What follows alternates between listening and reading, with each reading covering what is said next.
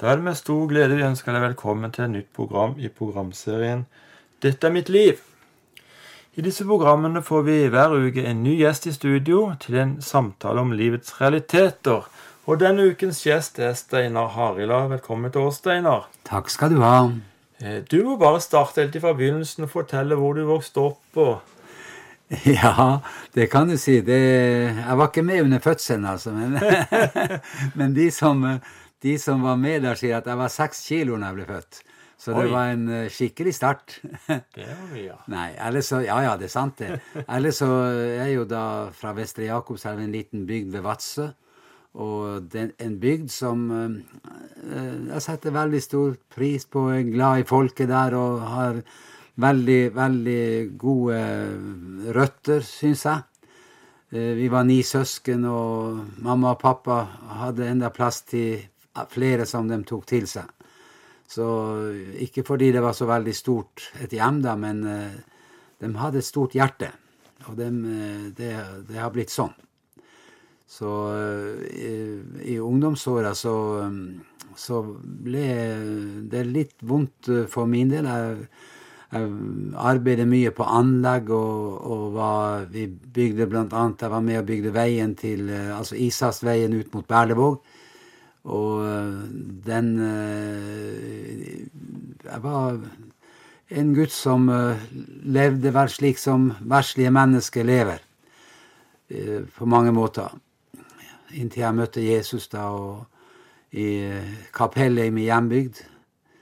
Og der der var en predikant som, fra Stord som heter Ragnvald Fatland, som hadde møter, og han han eh, stanste meg opp ved utgangen i kapellet og spurte om ikke jeg skulle slå følge med søsknene mine som var begynt på himmelveien. Og så sier jeg ja, sier jeg.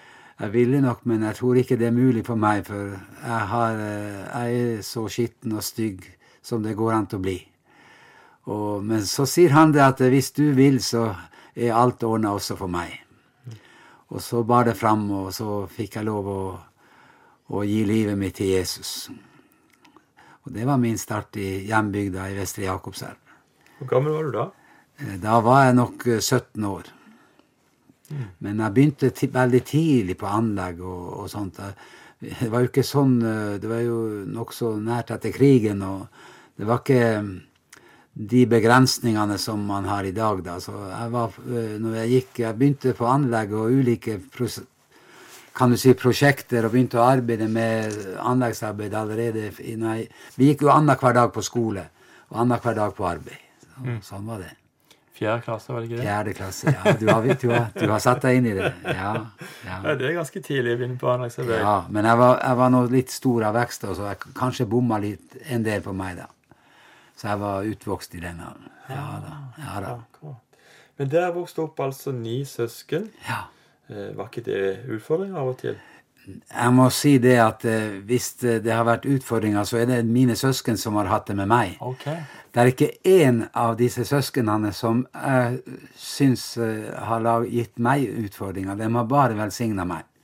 Og vært til stor glede og inspirasjon. Og det er slik jeg er helt ærlig når jeg sier det, at de har betydd mye for meg, alle sammen. Og jeg er så glad i dem, hele gjengen. Du hadde en trygg og god oppvekst. Jeg hadde en trygg og god oppvekst. Mor og far som uh, var opptatt av å gi, skape et hjem. Og, uh, pappa måtte jo ut på uh, Han var fisker. Han hadde tre bein å stå på. Det var fiske, det var landbruk, og det var snekkerfaget. Så han drev med dette mens mamma tok seg av hjemmet. Og mamma hun, hun holdt seg hjemme. Hun hadde en stor barneflokk som hun skulle gi så trygge og gode muligheter for som mulig. Så jeg kjenner faktisk, enda når jeg snakker om, om uh, tida hjemme, så kjenner jeg lukta av sjokolade når hun lagde den, for at vi skulle liksom ha det greit da. Ja, ja da, sånn er det. Og så ble det ganske stor eh, jubel i hjemmet når du tok imot Jesus. Ja, det ble jo forandringer, for det var Det ble Ja, det, det er som det står i, i Guds ord, at det, det, for det første så ble, var det jo et bønnesvar både fra, for mor og far og for um, de av søsknene mine som hadde bedt for meg. Så det, det ble en virkelig forandring. Og, Både for meg og for dem. Du følte jo at eh, ikke du var god nok liksom, til å kunne bli en kristen. Ja. Eh, men kan du fortelle litt åssen det, det var når du fikk oppleve nåden? Ja, det, det ble så stort at eh, det egentlig sprenger rammene for ord som jeg kan bruke. Og føle at jeg, at jeg, at jeg sier sant. For dette, er, dette ble så stort, for her kommer altså vi og snakker om og tenker ut, når, før vi blir kristen, om en pekefinger, og vi tenker på en, en som er streng, og en som skal eh, liksom tukte oss for alt det gale vi har gjort. I stedet så møter du altså en eh, Så møter du de sårmerkte hendene, som sier 'se her', se hvor høy, høy pris jeg har betalt for deg. Og så får du høre altså alle dine synder. Dem gikk jeg til Golgata for. Så du skal ikke dø, du skal leve. Og, og, og når du får lov å oppleve det i hjertet, sånn at det blir en forandring innafor, så sprenger det, i hvert fall hos meg, så ble det slik at eh, jeg måtte Ja, jeg hadde vansker for å snakke. Jeg kunne ikke, kunne ikke åpne munn på bønnemøte eller å, å si noe. Det var helt umulig for meg. Så jeg skrev og ringte til eh, en eh, bokhandler i Bergen og spurte om ikke de kunne sende meg opp noen grammofonplater og, og en del bøker og traktater, så kunne jeg få lov å spre det, i hvert fall. Og da lagde jeg en liten Det, er, jo gam, det er jo lenge siden, det her. Da lagde jeg en privatlaga høyttaler som jeg la, la, satte opp på altanen der vi bodde. og og grammofon, sveivegrammofon til å spille, og sendte sanger ut gjennom høyttaleren så naboene mine kunne få høre gode, gode sanger om Jesus. Så gikk jeg jo videre. Jeg fikk de EP-platene som kom etter hvert, og gikk på kafeene og spurte om jeg fikk lov å putte noe slikt inn i jukeboksene. og og på den måten fikk jeg vitne. Og så gikk jeg og sa til de kristne nå må dere gå på kafeen der og der og drikke mye kaffe og spille, spille sanger. Bruke jukeboksen. Og sånn fikk jeg lov å evangelisere. Det var starten på din evangelisttjeneste. Det var det, vet du. Ja, uten at jeg trengte å bruke ord sjøl, så fikk jeg lov å Og så kjøpte jeg en buss, og, så minibuss, og øh, satte um, sånn gammel Tandberg magnetofon inni og høyttaler på taket. Og med det har jeg kjørt rundt i hele Norge. Og sendt kristen sang og musikk og innbudt til møter. Og det, det har vært eh, Ja, det var min måte å, å nå ut på når jeg først begynte å reise litt og vitne om Jesus. Og der har jeg opplevd mye. I bussen, i den bussen har jeg bedt til Gud med mange mennesker. Ja, det er, mange, det er mange som har fått byrder og tunge, skikkelige bører fått kasta de av.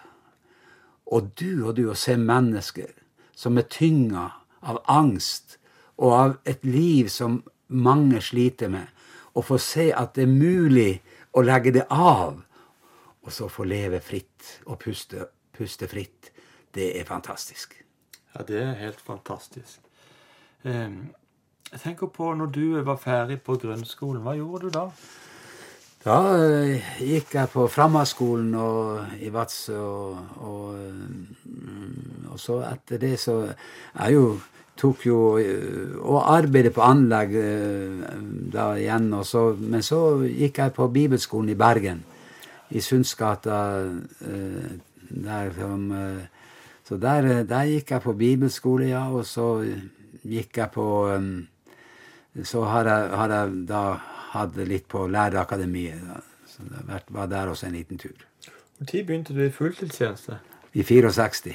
64? Det begynner å bli noen år siden. Det, det er noen år siden, vet du.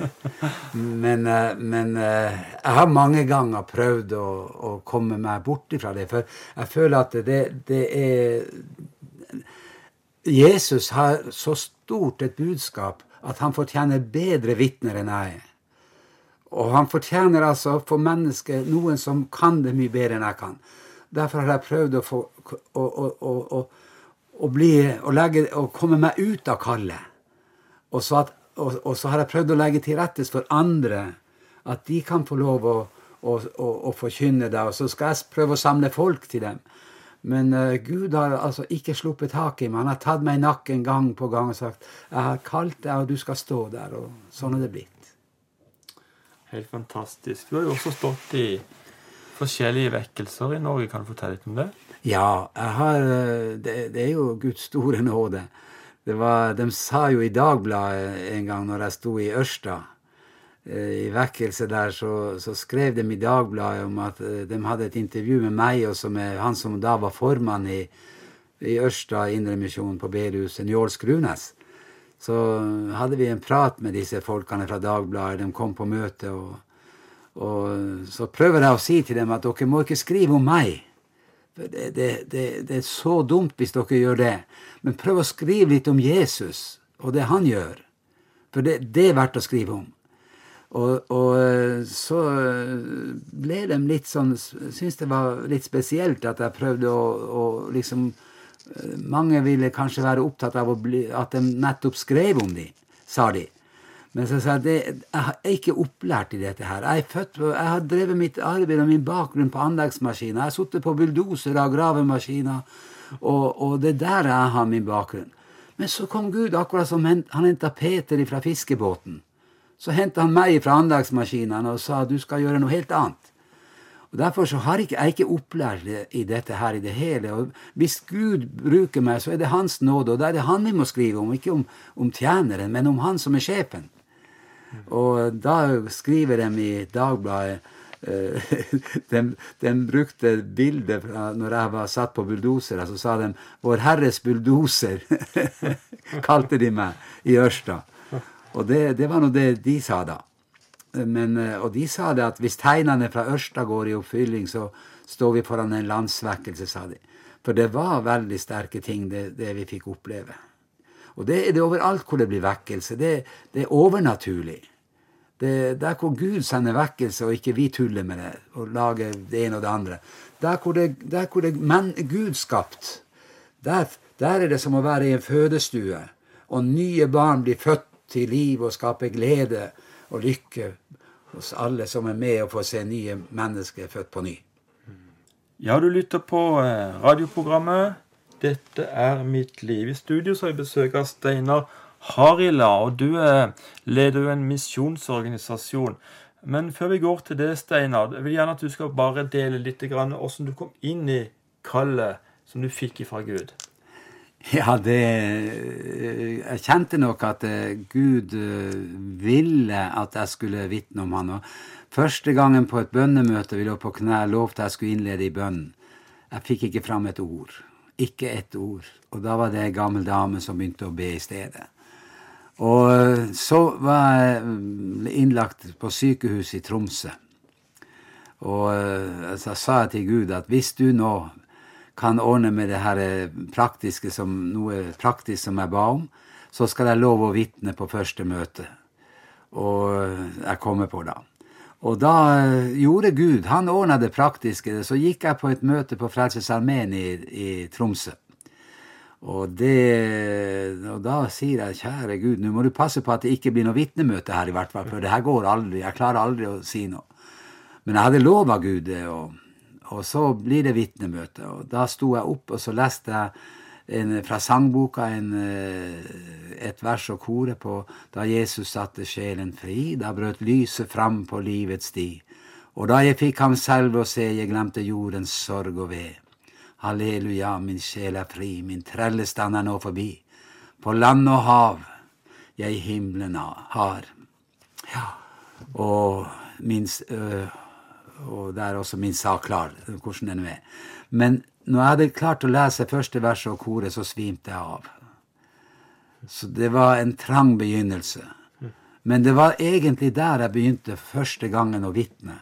Og siden så bare pressa det på, så jeg kunne sitte på benkene på, sånn som det var før stolene kom. Så jeg satt og svetta så jeg satt fast eh, i, i, i benkene. Og det var kjempetøft å oppleve at eh, Gud kalte så sterkt at eh, det ble vanskelig å, å, å la være. Og, og, og seinere så fikk jeg da et spørsmål, et ytre kall fra det vestlandske Indremisjonsforbundet, Anaton Strand og Birger Odland kom og spurte meg om jeg ville begynne som ungdomsarbeider oppe i Øst-Finnmark. Og jeg skjønner jo ikke hva de egentlig, hvordan de kunne spørre meg, men de gjorde nå det, da. Og her tror jeg vi må få lov å si det at det, både dem og, og, vår Far i himmelen, han velger ut det som ikke er noe, han. Og det er Guds prinsipp, det. Og derfor så, så kunne de altså tillate seg å spørre en mann som ikke, nesten ikke hadde avlagt et vitnesbyrd, eh, så noen hadde hørt det, i hvert fall. Og, men jeg begynte nå der, da, og, og det var det var første, første møteserie som jeg skulle ha utenom hjemmedistriktet vårt. Det var i Vest-Finnmark. Og, og, så skjer det at det, begynte, folk begynte å søke Gud. Og det ble det opp, Vi opplevde både legedom og, og, og frelste mennesker, unge og gamle. Og eh, det var så sterkt at jeg måtte ringe til, til Bergen og til han eh, Birger Odland og si det. Du må sende noen erfarne forkynnere hit, for jeg forstår ikke hva som skjer her. Mm, der er når Gud griper inn, så blir det sånn at du, du, du, har ingen kontroll med det. Der er noe som skjer, og mennesker søker Gud. og kom, Folk satt hjemme i husene og opplevde et så sterkt kall at de kom springende på møte. Og så, så det, det, var begynnelsen i, til min tjeneste. Og, og så ble utvikla det seg til. Så jeg bli, jeg var kretssekretær og bysekretær på ulike steder. og Seinere så fikk jeg lov å stå med det i det som jeg føler var mitt, eh, min nådegave som evangelist. Og har tjent Jesus på den måten inntil denne dag. Og også i Russland jeg tror at det er noe av nådegaven som Gud ga, som har åpna dører inn i Russland og, og, også i Israel. For er det, I år er det 30 år siden jeg begynte i Russland. Og, og det er vi opplever, jo, vi opplever jo helt ufattelig søkning etter Gud. Og det er Når vi kommer inn til, til Russland i dag, så vi, øh, når vi har kjørt, øh, kommer inn til den første byen, øh, ordentlige byen, da, når vi kjører fra Valima, fra Finland og inn der, så er det altså en by som heter Vyborg. Og når vi kommer inn der, så, så har vi måttet lage til ekstramøte. Så rett etter at vi kommer inn, så har altså Invalideforbundet samla møtefremmede folk. som Hele kirka er full av møtefremmede folk som de har henta fra et distrikt rundt byen. Av folk som ikke har sjanse til å høre om Jesus. Ikke, ikke, alle har det slik, men mange. De aller fleste. Og, da, og, de som kommer inn der, de blir registrert på navn, så de får ikke lov å komme på neste møte for å gi plass til flere. Og, og når jeg spør der om folk vil bli frelst, så reiser de seg opp, nesten alle som er i kirka. Og så går gruppa, den norske gruppa som jeg har med, så går de rundt og ber til Gud med dem. For det er ikke sjans til å be de fram eller noe sånt, for det er så mange. Og da, og da vil jeg si det at eh, jeg spør dem om de, vet, eh, om de vet hva de egentlig vil, og sånn. Og, ja, vi er jo ikke dumme heller. Det er jo derfor vi kommer hit, fordi vi vil ta imot Jesus, sier de. Og det er litt spesielt. Og Så har vi fått bygd opp masse institusjoner mange barneinstitusjoner. Vi driver hjem for gatebarn i Vyborg. og har, eh, Det er jo ikke kanskje vanlig for kristen eh, misjon å drive sosialkontor, men vi har eh, i en by som heter Sovjetskij, der har vi et sosialkontor som vi har drevet nå i jeg tror det er 15 år. Og vi, vi har nå overtatt de siste året har vi også starta opp med sosialkontor i, i fire andre byer ved siden av. Og all hjelpa som de folkene får der, det kommer fra Norge. Og det var jo litt spesielt når jeg hadde med meg noen til Israel fra Russland. Og blant dem var, var det noen fra et evangeliesenter som heter Nytt Liv-senteret. Og, og, han som er leder der, han kan godt sammenlignes med Nikki Krus. Han eh, var en av de verste bandittene som de har sett i Russland. Han, eh, ingen klarte å styre han, han var jo rusmisbruker og var rå som bare juling. I fengslene, når han putta han i fengsel, så lagde han bander der også. De måtte flytte han fra fengsel til fengsel for å hindre han i å lage nye grupper inne der. Men når han møtte Jesus, så er han altså fullstendig snudd på hodet. Altså, En snillere og mildere mann tror jeg neppe du er å møte. Og, og, så står altså denne gruppa som jeg hadde med til Israel i, i oktober, til Netanya, så står de frem og så sier de, er vi ikke fint kledde, sier jentene som sto der. Ja, svarer de fra salen, at det, det, det syns de. Ja, alle klærne har vi fått fra dere, sier de. Så det, det er i grunnen eh, litt godt å få lov å være til for dem som samfunnet ellers har glemt. Helt fantastisk hva dere får til. Det er jo stiftelsen Hjelp til Russland som ja. står bak dette arbeidet. Men hvordan starta ditt arbeid i Russland? Ja, det begynte egentlig med eh, for 30 år siden i, eh, på Kola og i Murmansk. Jeg hadde med meg, jeg var sjåfør og, kjørte, og hadde organisert en gruppe fra Vadsø og vi kjørte over eh, Finland, Finland altså Ivalo og Lotta, og over hele Kolahalvøya og inn på, til Murmansk. da, og Var med på um, tusenårsmarkering for Den ortodokse kirke. Og det var i grunnen i jernteppetida. Så det var veldig spesielt. Jeg kan jo si det at Jan Espen Kruse, som har vært i Moskva for NRK, han var med på den turen. Så det var ikke noe vanlig å komme over og inn i Russland. Men eh, vi var nå der, og når vi kom dit, så kommer altså folk og river og sliter i klærne våre og sier de ville ha klærne som vi gikk i.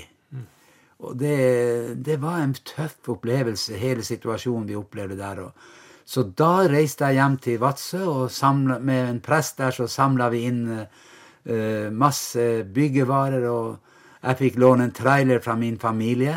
Og så kjørte jeg inn samme veien over Lotta, inn til Murmansk, og skulle levere byggevarer til et diakonisenter inne i Murmansk. Men de stoppa meg på grensa og uh, ville ikke slippe meg inn, for uh, det var tydelig at de ville stjele hele lasten da, og bygge et kommunisthus i stedet. Men da sa jeg da kjører jeg det tilbake til Vadsø. Og der sto jeg tre døgn og diskuterte, og jeg må jo si jeg krangla jo litt, og ba til Gud. Og så plutselig så snur det, og så sier de ja, er greit, det, bare kjør inn. Og så fikk jeg kjøre inn og laste av der. Og sånn begynte egentlig hjelpearbeidet inne i Russland. Helt fantastisk hva du har opplevd, Steinar. Velkommen tilbake som lytter av programserien 'Dette er mitt liv'. I studio har vi besøk av Steinar Harila, og du har fortalt mye spennende fra Russland. Du har opplevd masse store ting der nede. Kan ikke du bare dele videre, Steinar? Ja, du vet eh, Situasjonen er jo blitt slik at vi, vi, eh, har, vi, vi møter mennesker som samfunnet der borte eh, egentlig ikke ser. Du kan si at 11% av befolkninga, dem kan vi si er de nyrike. Som har en grenseløs rikdom, og som er rett og slett vond å oppleve og se hvordan de lever. Så har du en liten mellomklasse der, men størsteparten av befolkninga ligger nede i fattigdom. Og den har økt nå etter situasjonen sånn som den har vært eh, øst-vest i de siste årene. Men eh, vi får lov å gå der, for vi er ikke der i politisk ærend. Vi er der med himmelbud.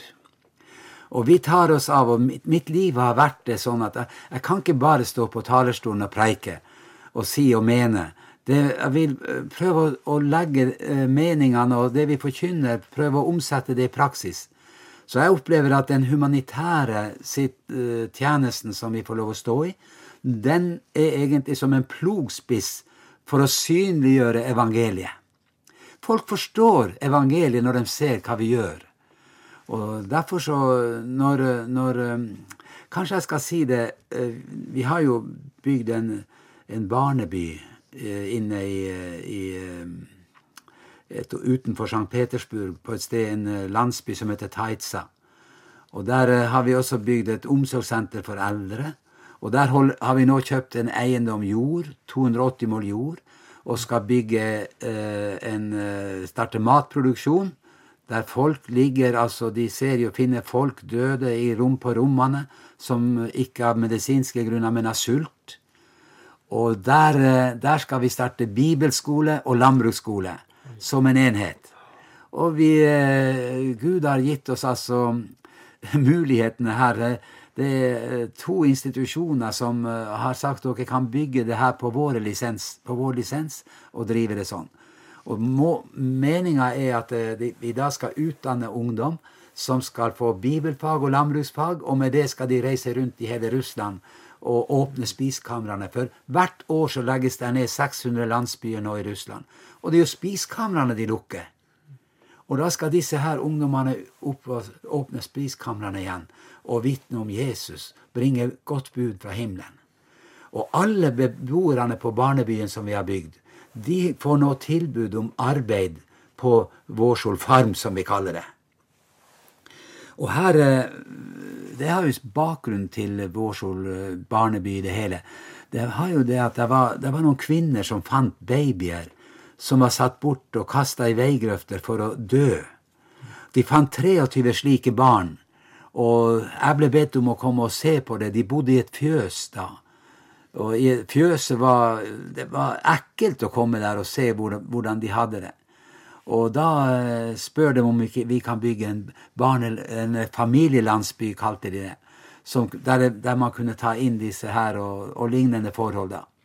Og det har vi nå bygd. Vi har en Barnebyen av 24 leiligheter. og En av disse guttene som um, kanskje han kunne være i sånn ca. seksårsalderen, uh, jeg antar det og syns å huske det, så ser jeg på han, han var så tynn når vi kommer inn dit i denne i leiligheten. Og så peker han på mamma og på skoene mine, og jeg skjønte at jeg måtte ta av skoene for ikke å gi mer arbeid til mamma. Så sier mamma til oss som kom der, denne gutten, han var kasta til dyra. Så han levde sammen med dyra og trodde sjøl han var et dyr. Han kunne, ikke, han kunne ikke gå på føttene, han krøp på alle fire, sånn som dyra. Og han spiste maten som dyra spiste. Og han, eh, han, ga, han kunne ikke snakke, han ga samme lyd som dyrene gav.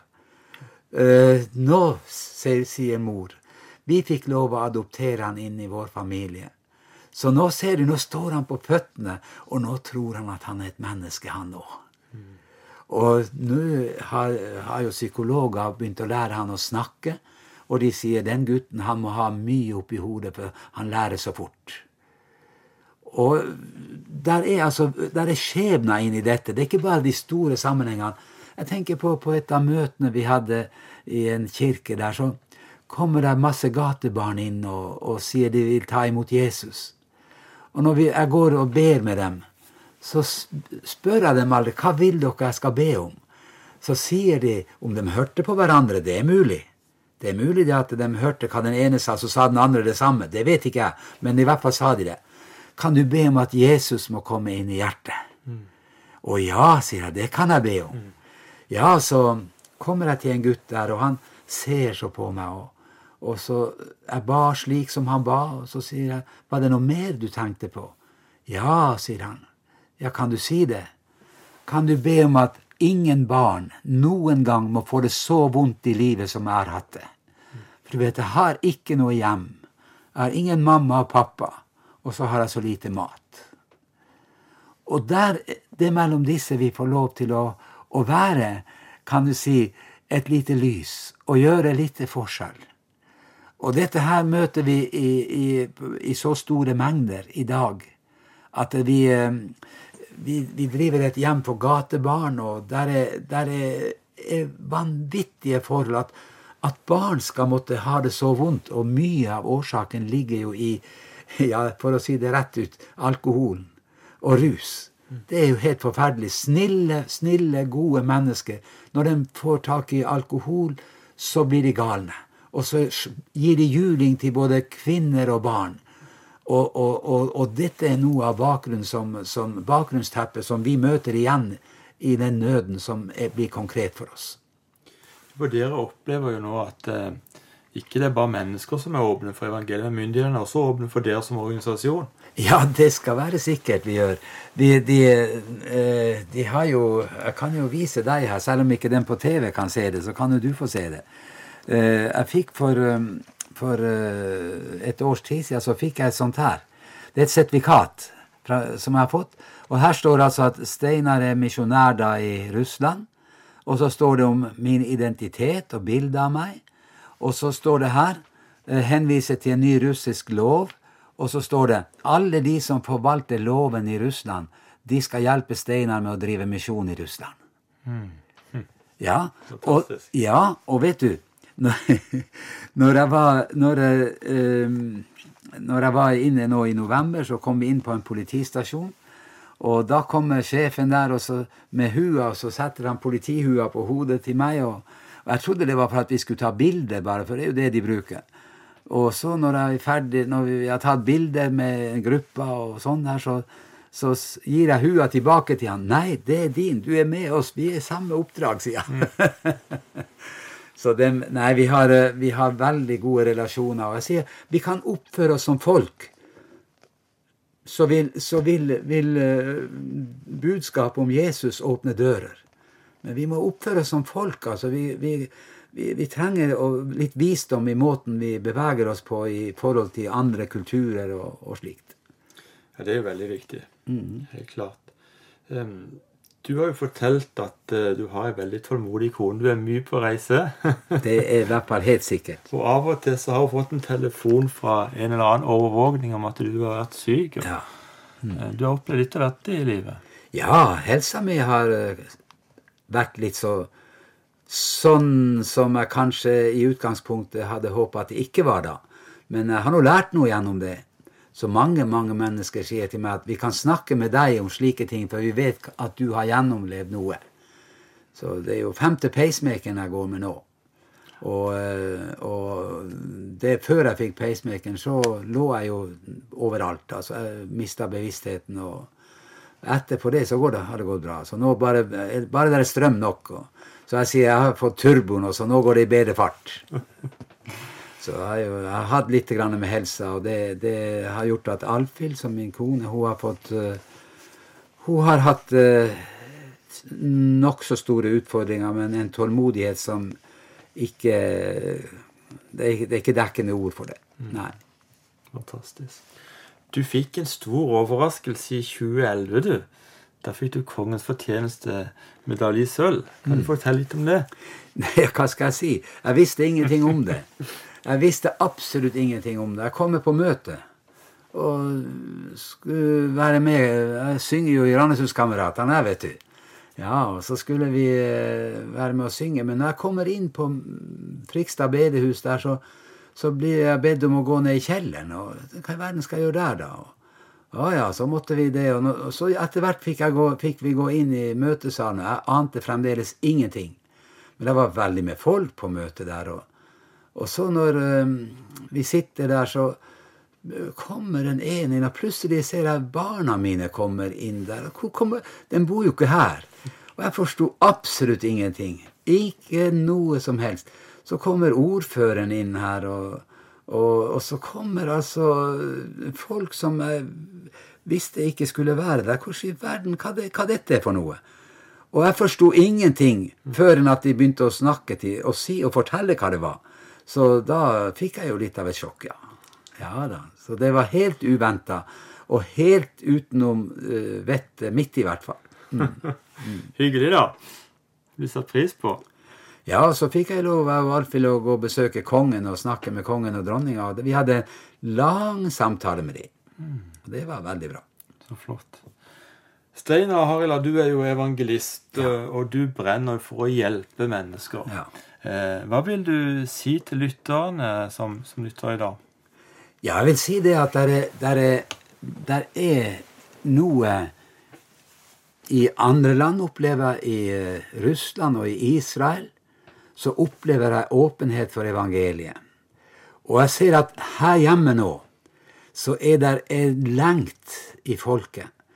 Og jeg tror det at eh, nå er tid, nå er det tid for å vende om til Jesus. Og Jesus, han vil ikke, han vil ikke slå noen eller straffe noen eller refse noen. Han vil tilgi synder. Han vil at ditt gamle liv, den har han dødd for, at du skal ikke dø for den. Og derfor så, derfor så er kristendom det er et nådetilbud uten grenser. Og det betyr altså at Gud gir oss noe som vi ikke har fortjent. Hun sa det sånn, sosialsjefen i Byborg, da vi åpna et sosialsenter der. Så, så, ser hun meg inn i øynene, og så sier hun, du, hva er det som får deg til å drive dette som du gjør her nå? Og så sier jeg det at ja, jeg har jo min bakgrunn hjemmefra, så jeg vet hva det vil si å ha lite. Men det er ikke det som er grunnen. Grunnen er Kristi kjærlighet. Han forandra mitt liv, og det klarer jeg altså ikke å ha for meg sjøl. Det er helt umulig. Og så ser hun på meg og så sier hun, du, kan Jesus gjøre noe slikt med noe menneske, da vil jeg også bli en kristen. Og så fortsatte vi å spise der. Det var jo en høytidelig åpningsseremoni der. Så ser hun på meg. Hørte du hva jeg sa? Jo, det gjorde jeg. Og så spiser vi videre. Ja, men skal det ikke skje noe her, da, sier hun. Så midt under middagen der så måtte vi be sammen. Hun ville gi livet sitt til Jesus. Seinere gikk hun til Hun ba om å få opplæring i kristendom, for hun sa at du må huske på det, Steiner, at jeg er sekretær i kommunistpartiet. Jeg er partisekretær. Jeg har brukt hele mitt liv til å fortelle at Gud ikke fins. Så nå trenger jeg opplæring. Og så uh, fikk jeg være på 75-årsjubileet for Leningrad fylke. Og da var hun i komiteen der. Så kommer hun glad imot, uh, og tar imot meg og kona når vi kom der. Og, og så, sier hun, uh, så sier hun sist søndag så skjedde det noe helt nytt i mitt liv. Å, hvor stort det var, sier hun. Ja, hva var det, da? Jo, du skjønner at jeg var jo sekretær i kommunistpartiet. Jeg var, kommun, jeg var partisekretær og har brukt hele mitt liv til å fortelle at Gud ikke fins. Og nå plutselig Jeg kan ikke bare snu på en bryter og så begynne på et nytt liv. Jeg måtte jo be om å få opplæring. Og nå har, nå er vi opplært, nå har jeg fått opplæring og er døpt til den Herre Jesus Kristus. Sist søndag så ble jeg døpt. Så nå lever ikke den gamle Sinaida mer, sier hun. Ja. Fantastisk, altså. Ja, Steinar, du eh, har jo opplevd veldig mye i livet, men hva er planene framover? Nå er planene våre det, Jeg driver på med det samme. Jeg reiser alt jeg klarer i Norge. Og så reiser jeg mye inn i Russland. Vi har hjelpesendingsturer dit. og der, Hvis folk har lyst til å bli med og bli, oppleve å se mennesker og be til Gud med mennesker, så må du komme deg med, altså. Da kan du melde deg på. Vi, vi driver Israel mye. Vi har turer dit. Og hvorfor det? Jo, vi har åpna et eh, Vi vil velsigne Israel med grupper. Når vi er med og bor på hotell, så velsigner vi landet. Og så har vi, vi har, eh, med og driver et eh, barnehjem, eller barneby, som heter Neve Mikael. Der er 300 barn i dag. Og vi holder nå på og skal se hvis vi klarer å skaffe penger til å kjøpe et, et, en eiendom i Ariel og da vil vi bygge en, en liten, noe som ligner på en, et evangeliesenter. Og det gjør vi for å gi tilbud til kvinner og redde dem fra menneskehandel og fra misbruk. Vi vil redde barn som har det vondt, og rusmisbrukere. Og dette, dette Det er 30 000 hjemløse i Israel. Og jeg er engasjert i å, å forkynne evangeliet og, ta, og så praktisere det vi forkynner. Og det gjør jeg på hjemme i Norge, og det prøver jeg å gjøre i Russland og Israel.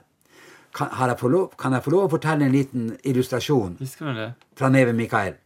Det var ei lita jente som hang i halsen på hun som er leder der. Hun heter Hava.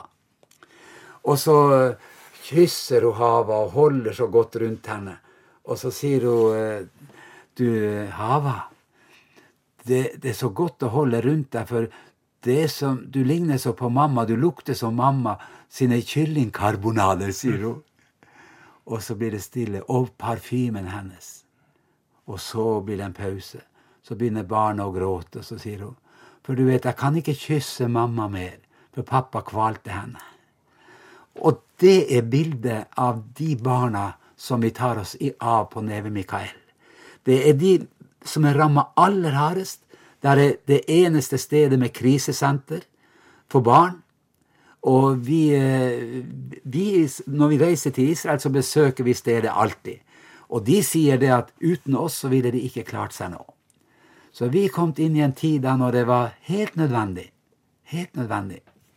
Veldig godt å høre, Steinar. Vi er kommet til veis ende i dette programmet. Tida løp fra oss. En hjertelig tusen takk for at du kom i vårt studio i dag. Det må Gud velsigne deg og din tjeneste og din familie og ditt virke i tida årene framover. Og hvis det er noen av lytterne som ønsker å høre mer om Steinar Haresala sitt arbeid, så kan du inn på hjelptilrussland.no, så kan du få mer informasjon der. Tekniker i dag har vært Ruben Høines. Mitt navn er Jørgen Reinersen, og vi håper du er med oss som lytter også neste uke på samme tid og på samme kanal. Da får vi en ny spennende gjest i studio. Hjertelig takk for i dag.